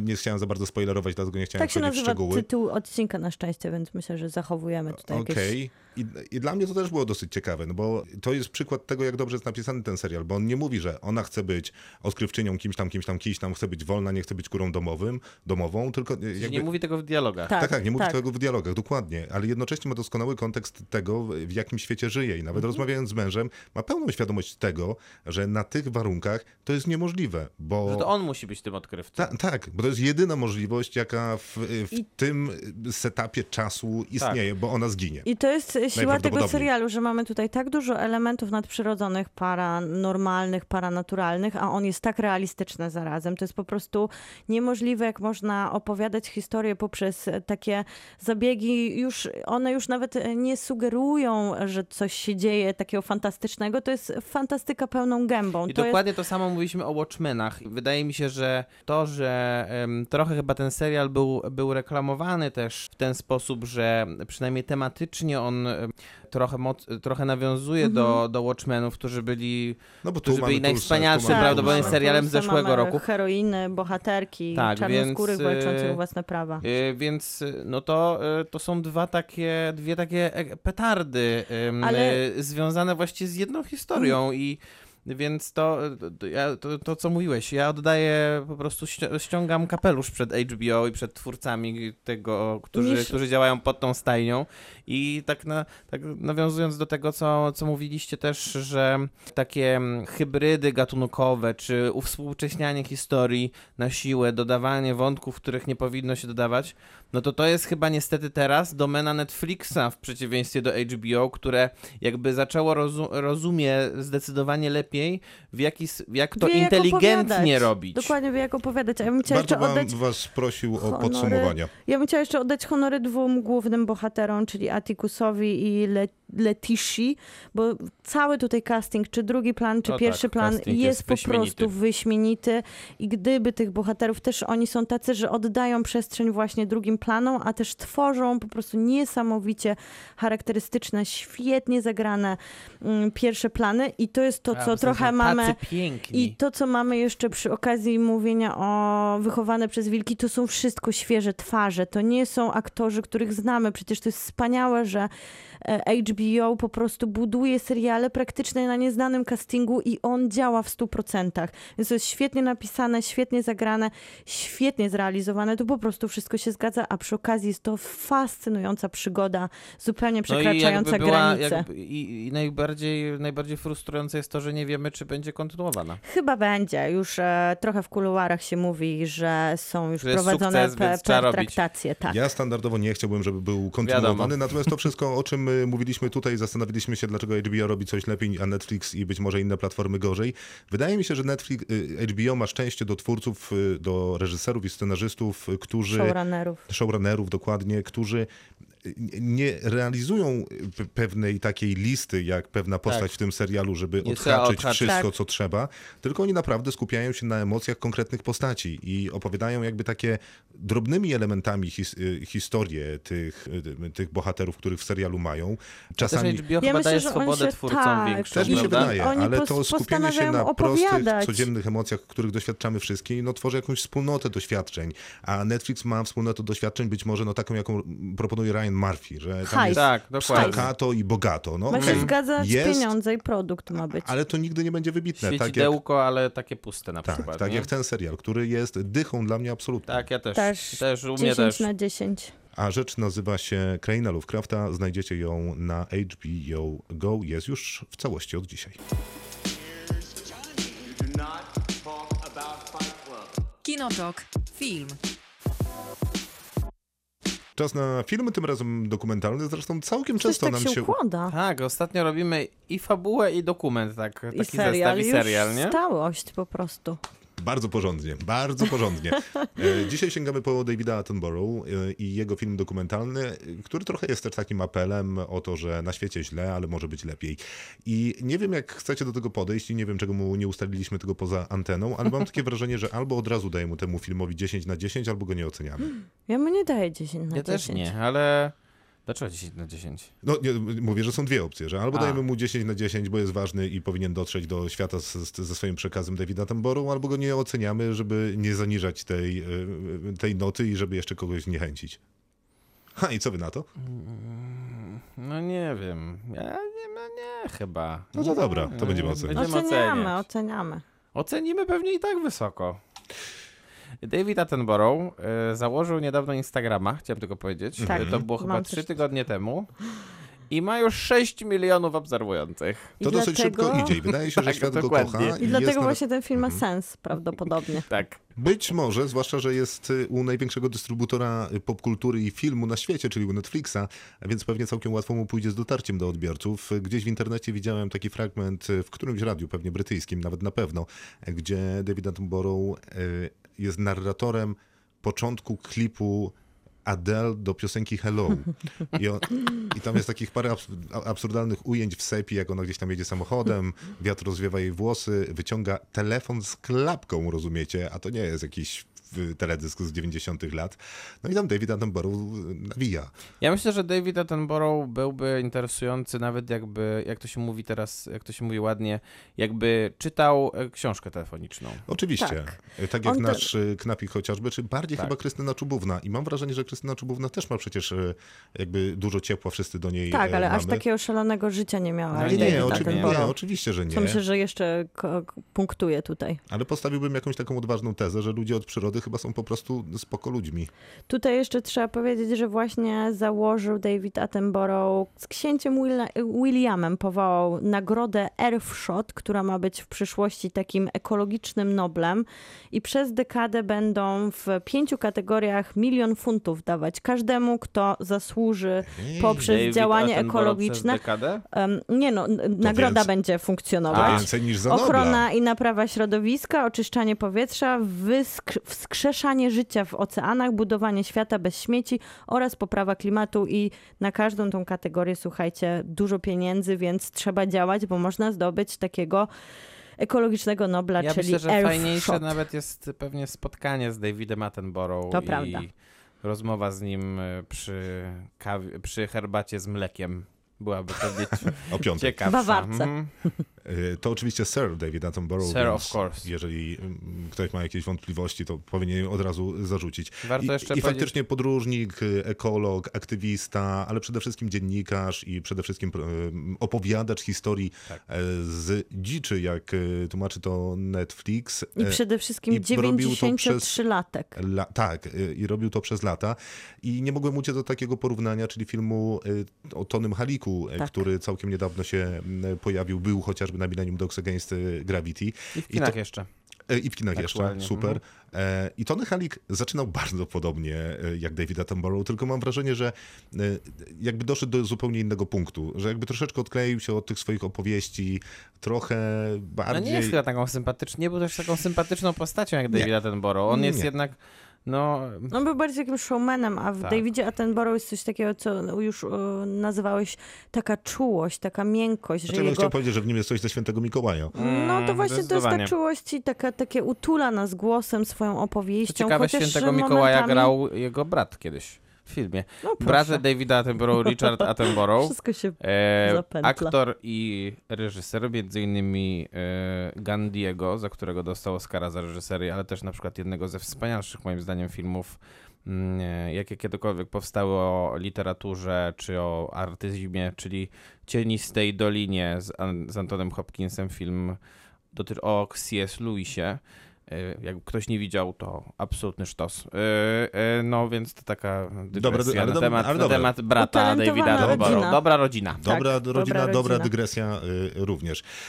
No i jest tym filmem trochę tak, który trwa zaledwie tam półtorej godzinki, że ja nie wiem, czy to, o czym David Attenborough mówi, y, będzie do ludzi trafiać, bo mi się wydaje, że ten film jest inspir- inspirujący, ale jest trochę na takim poziomie inspirujący jak baśnie albo i mit. I jak David Attenborough siedzi i swoim dosyć głębokim głosem opowiada o rzeczach, y, na których mu zależy i które są ważne, i kiedy buduje tę opowieść o tym, jak świat wygląda przez lata i mówi, że to jest nasz Eden, że to jest nasz raj, w który dostaliśmy i to jest najlepszy czas Ziemi i dla nas, no to faktycznie odpływa się prawie jak y, z Peterem Jacksonem gdzieś y, za wody i oceany do Nowej Zelandii.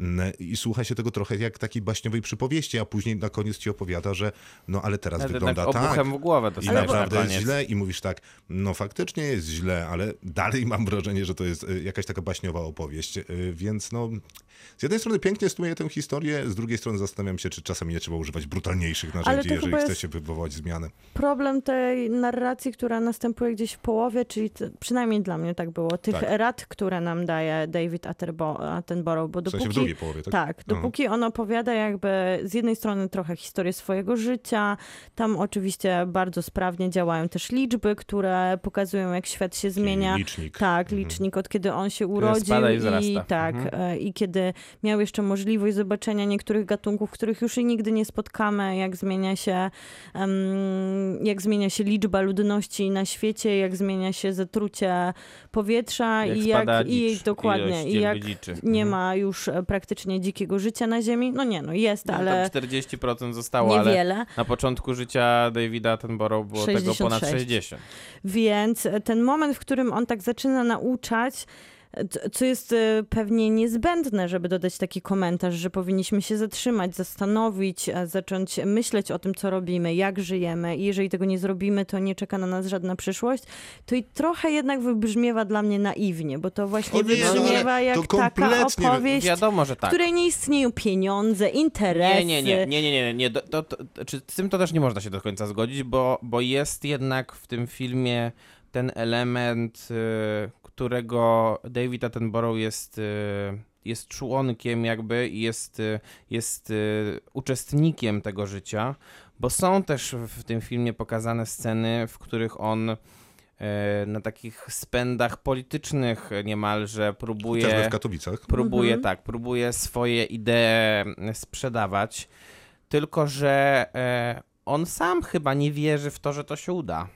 E, Też mi się tak wydaje, ale e, zgadzam się z Miłką, że to faktycznie brzmi naiwnie, bo nawet w kontekście filmu, o którym rozmawialiśmy w zeszłym tygodniu, czyli Mroczne Wody i w kontekście firmy DuPont, e, to jakby ta firma zrobiła już wystarczająco dużo, żeby wszyscy my i nasi słuchacze, których jak wiem są tysiące i pozdrawiamy ich serdecznie, jest. nawet gdybyśmy do końca życia mieli nie użyć jednej foliówki To się i tak nie, nie odwróci. y, co, co tydzień sadzić drzewo, to nie jesteśmy w stanie zrównoważyć tego, co zrobiła jedna Dokładnie. firma. A tych firm jest naprawdę nieskończenie dużo. Więc jakby oczywiście, że należy mówić, należy y, nie nosić tych reklamówek i podejmować wszystkie indywidualne decyzje, które podjąć można, ale zbiór tych indywidualnych decyzji będzie tylko masą, która ma szansę nacisnąć na odpowiednie instytucje, które potrzebują wystarczająco dużo odwagi do naciśnięcia na firmy, a jednocześnie będą miały pomysł na to, co zrobić z ludźmi, którzy w tych firmach przestaną y, pracować. Bo to zbyt wielcy, by upaść, też nie bierze się znikąd. No, bierze się stąd, że rząd będzie miał problem y, w postaci iluś tam set tysięcy lub dziesiątek tysięcy bezrobotnych,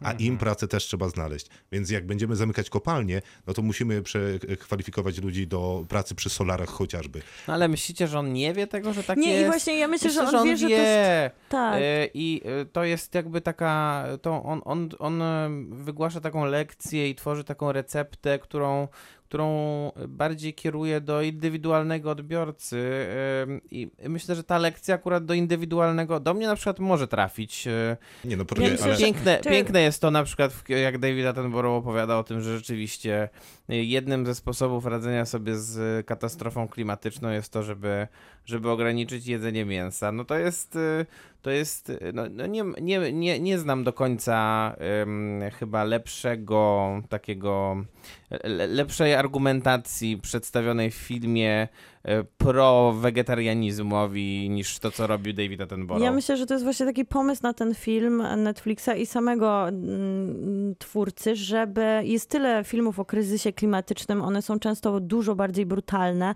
ale często też mówione przez osoby, które nie trafiają, no trafi, to są hermetyczne filmy, czyli trafiają albo do ekologów, bo są skierowane już do branży, albo do ludzi zainteresowanych tematem, albo są takie około edukacyjne i często wpadają i wypadają uchem i tutaj jest chyba taki pomysł, że skoro on jest taki lubiany i szanowany, to jak on opowie swoim delikatnym głosem subtelnie jak żyć, to może faktycznie jakiś procent widza nie potraktuje go jako szalonego ekologa, a miłego podróżnika, z którym spędzał życie, jego głos kształtował z telewizora opowieści o morzach, oceanach, lasach i dżunglach i że może na jakimś poziomie przynajmniej troszkę tych informacji zostanie, a nie No wypadnie. może, no ale jakby mi i podejrzewam wam y, nie powiedział niczego, czego bym nie wiedział.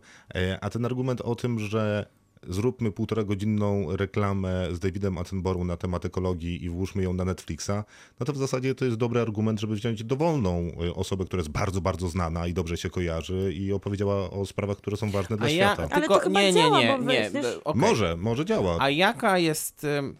Okej, to wskaż taką jedną osobę, która rzeczywiście... Tom Hanks. Ale nie kojarzy się z, nie kojarzy się z ekologią Tom Hanks w sposób Leonardo jednoznaczny. A Leonardo DiCaprio jest tak bardzo lubiany jak David Attenborough. No proszę cię. Nie Nie, wiem. no, no nie. Jest memem. Nie, no nie, no to, no to tym gorzej chyba. No, ja nie, nie wiem, jest No popularny, nie, ma David odpowiednie zasięgi i walczy ale, ale on, ale jakby wiarygodność... e, No tutaj się nie da nie zgodzić. Wiarygodność wypowiedzi Davida Attenborough, człowieka z niesamowitym doświadczeniem w temacie, człowieka, który, który opowiadał o tym e, z telewizora przez, przez 75 lat.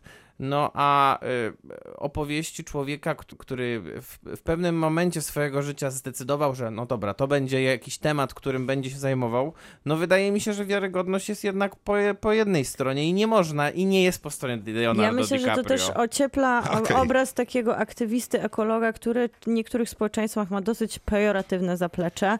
To I to, że pokazujemy no nie takiego byłby- Davida Attenborough, który mówi o ekologii, że jest ważna, że trzeba dbać, że trzeba zmieniać świat, to na pewno inaczej brzmi Dobrze, niż inaczej. właśnie słowa Nie Ten byłby- film w takim Nie wypadku byłby- nie nie, był- jest chyba spełniony bez kontekstu, nie? Bo tak sam w sobie film jest Jakiego przyjemną... kont- kontekstu postaci? No chyba tak. No to każdy zna po- kontekst tej postaci. Ja nie wiem, W przeciwieństwie do. I a jeśli, jeśli, nawet, jeśli nawet nie zna, to jeżeli przeczyta choćby jeden artykuł, to znaczy nie da się znaleźć, jakby wydaje mi się, negatywnej informacji na temat Davida Attenborough w internecie. W przeciwieństwie do tego prawda. Leonardo DiCaprio, czy nie wiem, na przykład e, tej. Wiem, w momencie, e, kiedy czy na przykład Grety negatywną- Thunberg, która ma lat Okej. 16 i mimo, że mimo, że w, pewnym sensie uważam, że warto byłoby słuchać też, e, też i jej, bo ona ma na pewno coś interesującego do powiedzenia.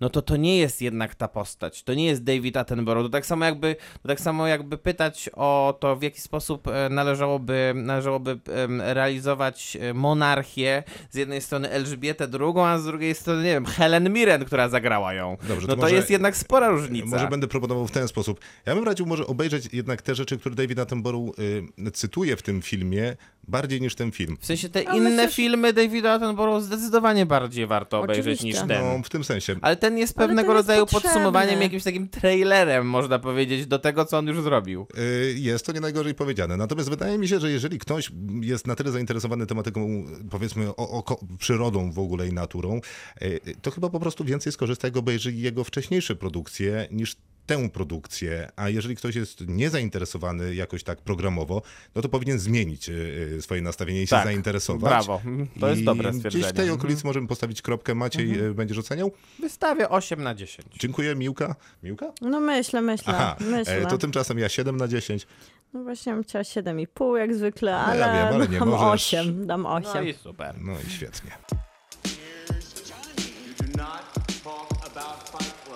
Kinotok. Film.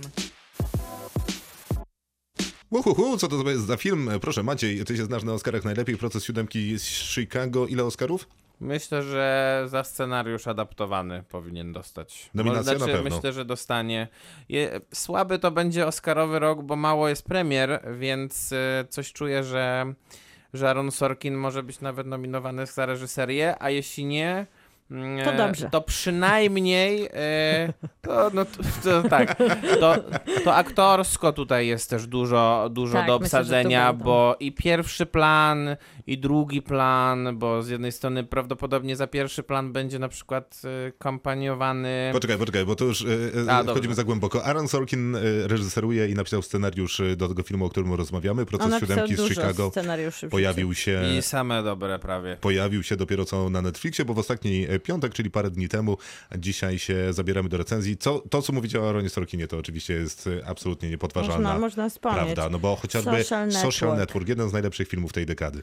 Social Network, Moneyball, Newsroom, wspaniały scenariusz. Steve Jobs. No same takie Y, hity. To nie był nominowany scenariusz do Oscara zaadaptowany, bo to jest też na podstawie książki? Yy, Za Social Network był Oscar za scenariusz oryginalny, a, yy, a zaadaptowany dostał, yy, był nominowany za Moneyball, właśnie tak. To jest opowieść procesu siódemki z Chicago, czyli opowiada o wydarzeniach z późnych lat 60., gdy na sali sądowej znalazło się ośmiu oskarżonych, e, którzy e, zostali doprowadzeni e, przed sąd z oskarżeniem o eskalację protestu, e, który wydarzył się w Chicago, Chicago w właśnie. 1968 roku w związku z e, kampanią wyborczą, e, kam, przepraszam, wyborczą. konwencją wyborczą Partii Demokratycznej, podczas której został wybrany kandydat e, w wyborach. Był to też protest antywojenny przeciwko to wojnie tak. w Wietnamie. Natomiast, natomiast warto powiedzieć tutaj jakby background jest bardzo szybko zasygnalizowany na samym początku filmu, bo cały ten proces wynika z tego, że się zmieniła władza w Stanach Zjednoczonych.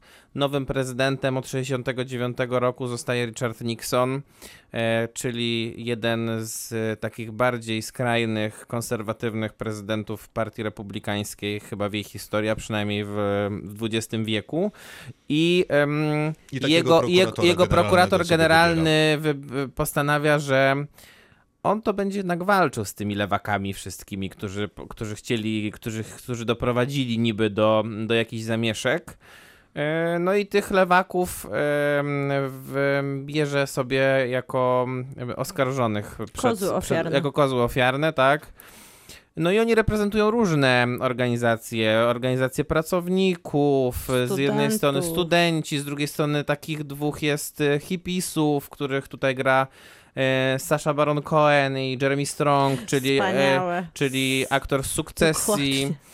E, Z drugiej strony tych studentów to reprezentuje między, głównie Tom Hayden, grany przez Ediego Redmayna. E, Trochę rzeczywiście tych znanych twarzy na tym ekranie jest, bo... Zwłaszcza, że mierzą się z Richardem Schulzem, czyli Josephem Gordonem Levitem, Tak, a ich obrońcą- przedstawicielem tak. prokuratury. A ich obrońcą z kolei jest e, pan, który się nazywa Kunstler i jego gra zdobywca Oscara za Most Szpiegów Mark Rylance. Więc trochę rzeczywiście tutaj znanych nazwisk. Jeszcze Frank Langella, który, który nomen omen kiedyś e, zagrał Richarda Nixona w filmie i na, na scenie, na, na, na deskach Broadwayu e, w filmie Frost Nixon.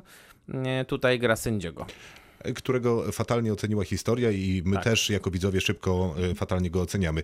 E, Jeżeli wspominałeś o tym, że ten film miałby dostać e, Oscara za scenariusz, Oscara czy nominację, mm, to trudno się nie zgodzić, bo naprawdę dawno nie widziałem filmu, który tak sprawnie, z takim tempem opowiada się dialogiem. Wiadomo, że tam się bardzo dużo dzieje i bardzo dobrze, jeżeli No chodzi... tak Aaron Ale Sorkin to zawsze właśnie to jest robi. chyba taka jego etykieta Tak, to prawda. Sorkina, że od razu nie czujesz, zmienia- że to jest pisane przez niego. Co nie zmienia faktu, że dawno nie widziałem filmu, który tak sprawnie sobie z tym radzi. E, I to trwa dwie godziny. I z reguły jestem zmęczony oglądaniem filmu, który jest dwugodzinny i przegadany, a to ma bardzo dobre tempo, bardzo dobre puenty, bardzo dobre riposty, bardzo dobro, dużo dobrego żartu. I też znowu, podobnie tak jak rozmawialiśmy o serialu Ukraina Lovecrafta, tu też jest no, tych postaci siłą rzeczy oś, osiem postaci głównych, pu- Dwóch plus prawników. dwóch prawników, jeszcze To będzie sędzia. stuzin. No więc jest stuzin i też trzeba ich trochę rozpisać i zbudować, ale w zasadzie tej przestrzeni jest niewiele, bo większość czasu spędzamy na sali sądowej, E, a to się udaje. I udaje Mhm. się naprawdę sprawnie, każdy z nich jest inny, co zresztą widać, e, jak tylko rzucimy na nich okiem, bo chociażby to, jak to skrajnie są sugeruje. ubrani, czy jakie Ale też jest super ta fryzury. ekspozycja, Jest Tak, bo, tak. bo są sceny ekspozycyjne na samym początku filmu, w których która, która, polega, na, która polega na tym, że oni są przedstawieni właściwie em, w kilku zdaniach, o które mówią o sobie, kiedy zapowiadają swój udział w tej konwencji. Mhm. Kiedy jeden mówi do swojego syna, że będzie spokojny, Mhm. to tutaj mm, e, ten właśnie przywódca tych, em, tych związków zawodowych, którego gra aktor John Carroll Lynch, który zresztą był kiedyś na American Film Festival we Wrocławiu. Miałem okazję z nim porozmawiać nawet. Właśnie, więc no, zazdroszczę trochę, bo naprawdę e, bardzo dobry aktor charakterystyczny, trochę bardziej znany ze swojej twarzy niż z nazwiska. E, z drugiej strony mamy też właśnie tutaj tych hipisów, który z jednej ten, ten Sasha Baron Cohen em, wytwarza taką energię, że, że tam prawdopodobnie będzie, tam prawdopodobnie będzie jakaś bitka, bo on chyba będzie chciał do tego dążyć.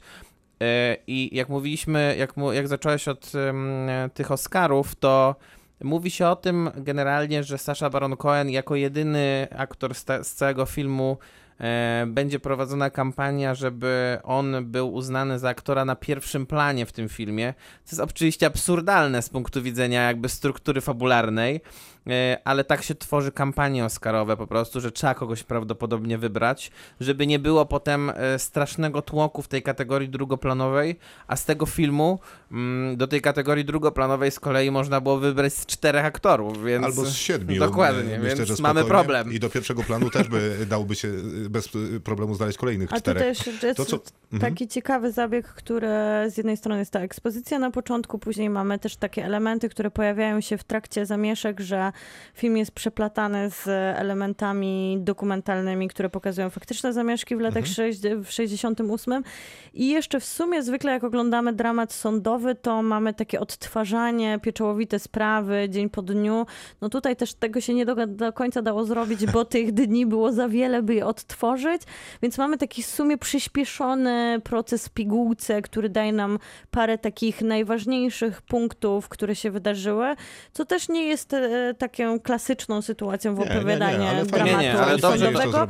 I to właśnie dodaje tego tempa, nie jesteśmy tacy tak. przemęczeni. Dzięki temu też e, ci bohaterowie mają czas, żeby przechodzić pewne transformacje, bo wiemy, że upływa na tyle dużo czasu, w którym oni mają przestrzeń do tego, żeby wchodzić w konflikty ze sobą, załatwiać Tak. sprawy, wchodzić w konflikty z prawem i z zewnętrznymi sytuacjami, że mogą trochę się nasycić, Ale jak nie jest mogliby to, że... na ławie po prostu oskarżonych. Wydaje, wydaje mi się, że sam Aaron Sorkin nawet rozwija się trochę jako scenarzysta, bo te jego poprzednie, głównie scenariusze telewizyjne, szczególnie do Newsroomu, którego nie cierpię. które było Mhm. oparte, te jego, te jego sce- scenariusze, na tym, że te mowy, które wygłaszali ci, te jego postaci, to były te, często takie długie I takie bardzo i takie patetyczne. A tutaj nie ma czasu na te mowy za bardzo, bo oni muszą strzelać jak, e, albo jak grać, grając w ping-ponga niemalże, e, rozmawiając ze sobą, więc, nawet- więc nie ma takich długich rozmów, a mimo wszystko udaje się wycisnąć z tych postaci e, bardzo dużo emocji i one w, większość z nich w sposób dosyć naturalny wzbudza te pozytywne raczej emocje, bo, bo to jak bardzo, bardzo sposób radykalny są rozpisane role w tym filmie, to widać tak naprawdę od samego początku, wyłączając może e, postać graną przez Josepha Gordon-Levita, bo on mm, e, Nie za bo- wiele ma do bo grania. on nie ma za wiele do grania, ale mimo wszystko widać jakiś taki konflikt w nim. Ale to jest super. Ja chciałam tylko odwołać się do tego, co mówisz o tych patetycznych mowach, których tutaj nie ma. Tu jest taki świetny zabieg, że na początku trochę jest zapowiedź, że będzie taka Będzie patetyczna przemowa, ale okazuje się, cięte. że, że nasz sędzia po prostu się do niczego nie nadaje, a zwłaszcza do długich, patetycznych przemów, więc on to ucina już na Tak, samym tak. początku.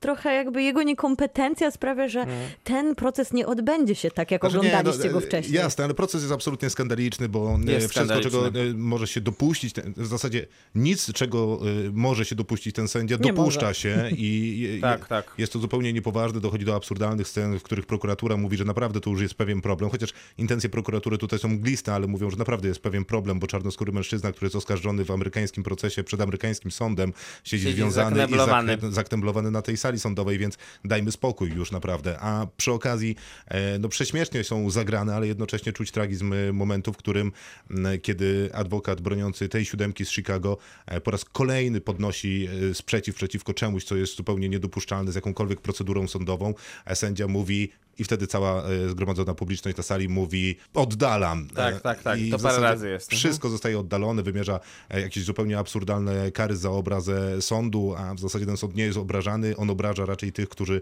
są oskarżeni, nie będąc w stanie zapamiętać żadnego imienia albo dobrze Mhm. wymówić żadnego nazwiska. No i to się w człowieku niewątpliwie nawarstwia, ale wydaje mi się, że nie to jest w filmie najciekawsze, a to, co jest najciekawsze, powiem po piosence, a co?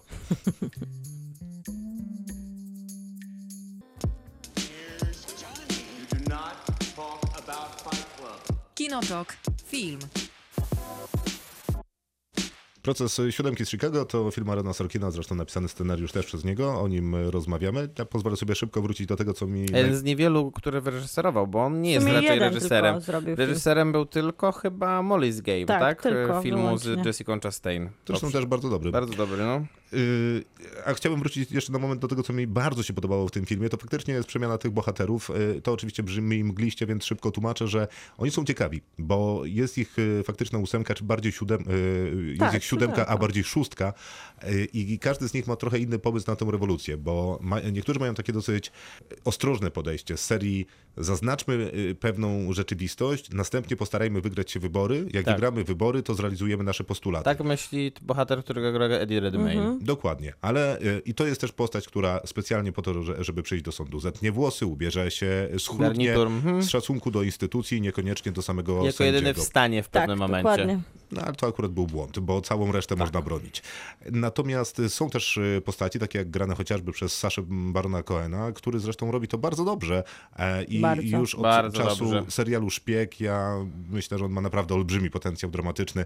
Uwielbiam go w tamtym serialu, bardzo lubię go w tym filmie. Chociaż tutaj trochę chociaż czerpie partner. ze swojego arsenału komediowego. Trochę tak, I oczywiście. to jest ładnie właśnie zbalansowane. Ale ma w sobie taki hipisowski luz, który y, nie, nie wydaje się być Nie, narzucony. nie, ale ta scena, w której jest przesłuchiwany przez swojego, od, swojego adwokata jest miód. wyśmienita. Super. Tak, to prawda. E, Chociaż y, trzeba oddać też, że Jeremy Strong robi świetną robotę jako taki w sumie druga połówka y, Saszy Barona Tego Cohena.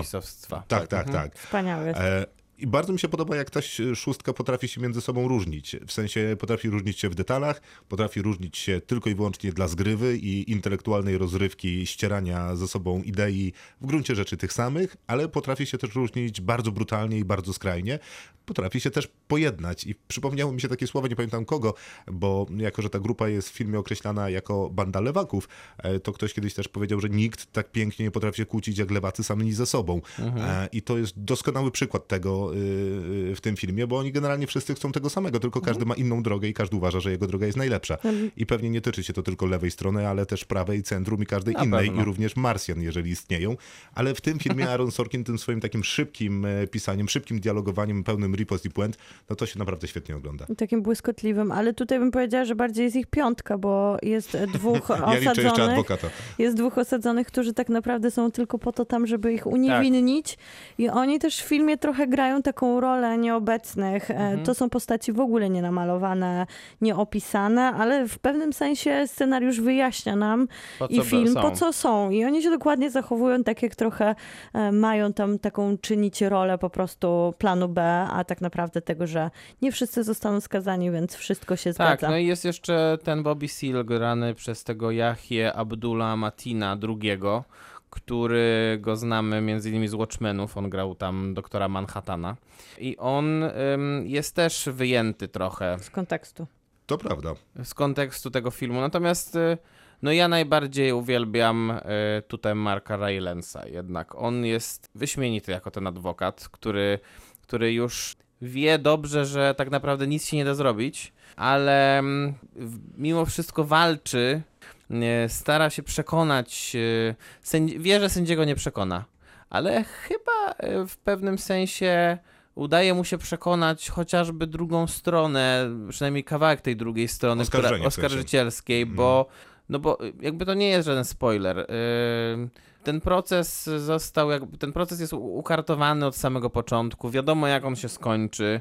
Y, Zresztą, jak się przeczyta jakąkolwiek informację na temat tego procesu, to wiadomo, jak się skończy.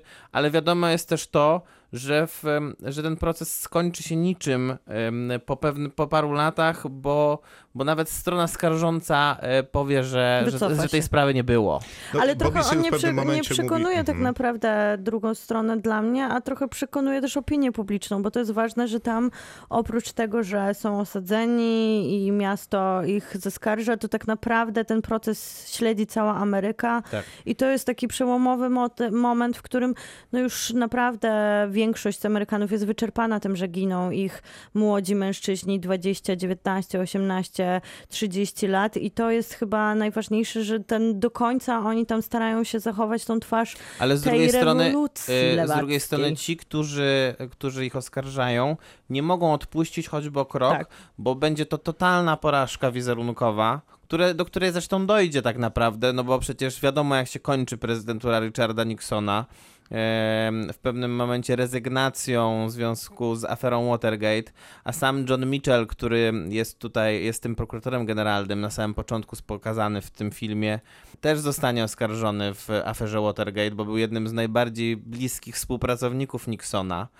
Taka sam- lekcja historii Ameryki teraz. A propos tego, tego, co mówisz, że proces jest ukartowany od samego początku, to wspomniany przez ciebie prokurator przecież wyciąga jakiś zupełnie absurdalny przepis, który w zasadzie nie istnieje w prawie, o czym Tak, co tłumaczy niezastosowany w ogóle. Jo- Joseph Gordon-Levitt, y, a i tak upiera się, że jest takie prawo, ono jego zdaniem w zasadzie zostało złamane, więc idź i wykonaj swoją robotę. No ciekawe tak naprawdę, jak, w jaki sposób robi. został wybrany ten sędzia, bo ewidentnie ten sędzia musiał być też w jakiś sposób Mhm. sprofilowany do tej sprawy, Jako żeby jako taki, jako taki nastawiony z góry na podjęcie danego rozstrzygnięcia. Nie wiem jak, ale domyślam się, że to mogłoby być wcale nie takie trudne, jak się wydaje. Natomiast bardzo podoba mi się, że jest tutaj Michael Keaton. Nie powiem w zasadzie w jakiej roli i co No robi, mów. ale powiem tylko tyle, że Że się stęskniłeś za nim. Wiadomo. Zawsze tęskni się za Michaelem Keatonem, to jest stałe uczucie, ale przypomnę, że on był Batmanem. I to jest jego najbardziej batmańska rola po roli Batmana. On też grał w Soko z Żuka, co by się świetnie dzisiaj do potworów naszych zmieściło, gdzie był wspaniałym też bohaterem. I Jest tu też to ma w taki błysk wspaniały szaleńca. aktor Tak, tak. i Wspaniały. bardzo niedoceniony niestety. I właśnie Nie, taki, no, za którym się tęskni, bo już się go dawno nie widziało na ekranie. Mi na przykład tutaj przesz- no, przeszkadza ale to, że Oscara trochę... nie dostał. No No nie. nie dostał. Że trochę ten, może to też jakiś jest e, taki echo po tym, że widzieliśmy tyle ostatnio świetnie zrealizowanych produkcji serialowych Mhm. HBO, ale troszkę momentami to wygląda jak impreza kostiumowa. Nie do końca jakby ta, um, zwłaszcza to, co się dzieje w parku, może nie na, na samej sali sądowej, nie do końca przekonuje mnie kostiumy, nie do końca mnie przekonują, jak to wygląda. Troszkę mi się to wydaje takie zbyt luźne i chaotyczne. Momentami w ogóle ten film, kiedy wypada z sali sądowej i nie jesteśmy skupieni na tych elokwentnych wymianach dialogów, to wydaje mi się taki pogubiony lekko. Taki mały bałagan tam panuje. No, ja mam dokładnie odwrotną y, y, opinię, bo mi się wydaje, że właśnie ten film jest taki bardzo ostry i bardzo skupiony przez to, że ma taką, takie nagromadzenie dialogu i jakby nie bardzo jest tam miejsce na potknięcie, bo wtedy jakby cały ten mechanizm i ta korba napędowa e, tego strzelania słowami y, y, trochę by kiksowała. E, ja tutaj nie zauważyłem takiego kiksu ani fałszu i oglądało mi się to dobrze w zasadzie od początku do końca, to trzymało tempo i co nie bardzo potrafię zrozumieć, wydaje mi się, że to będzie zaleta aktorów i prowadzenia tych aktorów. Jakby ten słowotok i ślinotok, jak można przerobić nazwę naszego podcastu, mnie nie męczył. Nie, mnie same słowa mnie nie męczyły. Mówię właśnie w tych momentach, kiedy się nie cieszymy elokwentnymi dialogami, tam No panuje tak, chaos. tylko że takich momentów jest stosunkowo mało jednak w tym filmie, bo, mm, bo nawet te I sceny, niech o to których będzie od razu mówisz... zdanie podsumowania. Okej, no to podsumowując, ja myślę, że wracając jakby do początku, wydaje mi się, że to jest bardzo mocny kandydat do tegorocznych Oscarów i myślę, że mm, nie bardzo się pomylę, jak dostanie, jak A dostanie jako tych... film też? Jako film też, myślę, że tak, dlatego że nie, może dlatego, że to będzie słaby rok Oscarowy, bo będzie po prostu pięć, pięć produkcji, do, z których trzeba będzie wybrać tych 10 nominacji, e, ale myślę, że ten film by się wybronił e, nawet w takim mocniejszym roku Oscarowym, bo on opowiada bardzo ważnych rzeczach, które są w, szczególnie w kontekście roku wyborczego w Stanach Zjednoczonych jeszcze bardziej, jeszcze mocniej wybrzmiewają i robi to wiarygodnie. Aaron Sorkin jednak wie, o czym chce opowiadać dlatego ja wystawiam temu filmowi 8 gwiazdek. Miłka, chce- chcesz skorzystać z zdania podsumowania? E, No dla mnie to jest taki chyba jeden z najprostszych filmów, jakie widziałam o radykalizmie i walce, zwłaszcza w latach 60., o demokrację, o równouprawnienia antywojennych, więc takie dosyć luźne podejście do tematu, które oczywiście, jak zawsze w takich prawdziwych historiach, jest niezmiernie ważne. I tu wydaje mi się, że ten film trzymają też właśnie te role aktorskie, bardzo go niosą. Bez takiego castingu, no pewnie by sobie dialogi radziły, ale może już film by sobie tak nie radził, ale jednak ja miałam tam e, mnóstwo takiego, takich momentów, których mm, nie wiem dlaczego, ale czułam się jakbym oglądała jednak telewizję, a nie wielkie kino, więc u mnie to jest 6 na 10. No właśnie przez to, aż ja się rozjeżdżam z tobą przy tym filmie, przez to, że ten film jest taki rozrywkowy i lekki, a jednocześnie zupełnie wiarygodnie opowiada o sprawach poważnych, szanuję go jeszcze bardziej. I wydaje mi się, że opowiadanie o sprawach poważnych w sposób lekki jest raczej umiejętnością szlachetną niż nieszlachetną. I przypomniała mi się książka, która e, dokładnie o tych e, protestach między innymi opowiada, nazywa się Niksy Natana Hilla, zresztą została sprzedana, zostały sprzedane prawa do ekranizacji, więc tylko czekać e, na dużym ekranie. Książkę polecam, bo znakomita E, i też opowiada w sposób nieco lżejszy o, e, o historiach e, no, zupełnie nielekkich i trudnych. Więc mm, biorąc pod uwagę jakby umiejętność opowiadania trudnej historii w lekki sposób, ale z pełną odpowiedzialnością, jakością i całą plejadę znakomitych aktorów i znakomity poziom zabawy, to ja mu dam 9 na 10. Wow. A co? To co, będziemy kończyć to wszystko na dzisiaj. w Będziemy kończyć. Bardzo serdecznie dziękujemy. Krzysztof Majewski. Miłosława Bożek. Maciej Stasierski. E, I przypominamy, że jesteśmy na Spotify'u, tam niezmiennie szukamy subskrybentów. Możecie nimi być za darmo. Do Dobranoc. usłyszenia.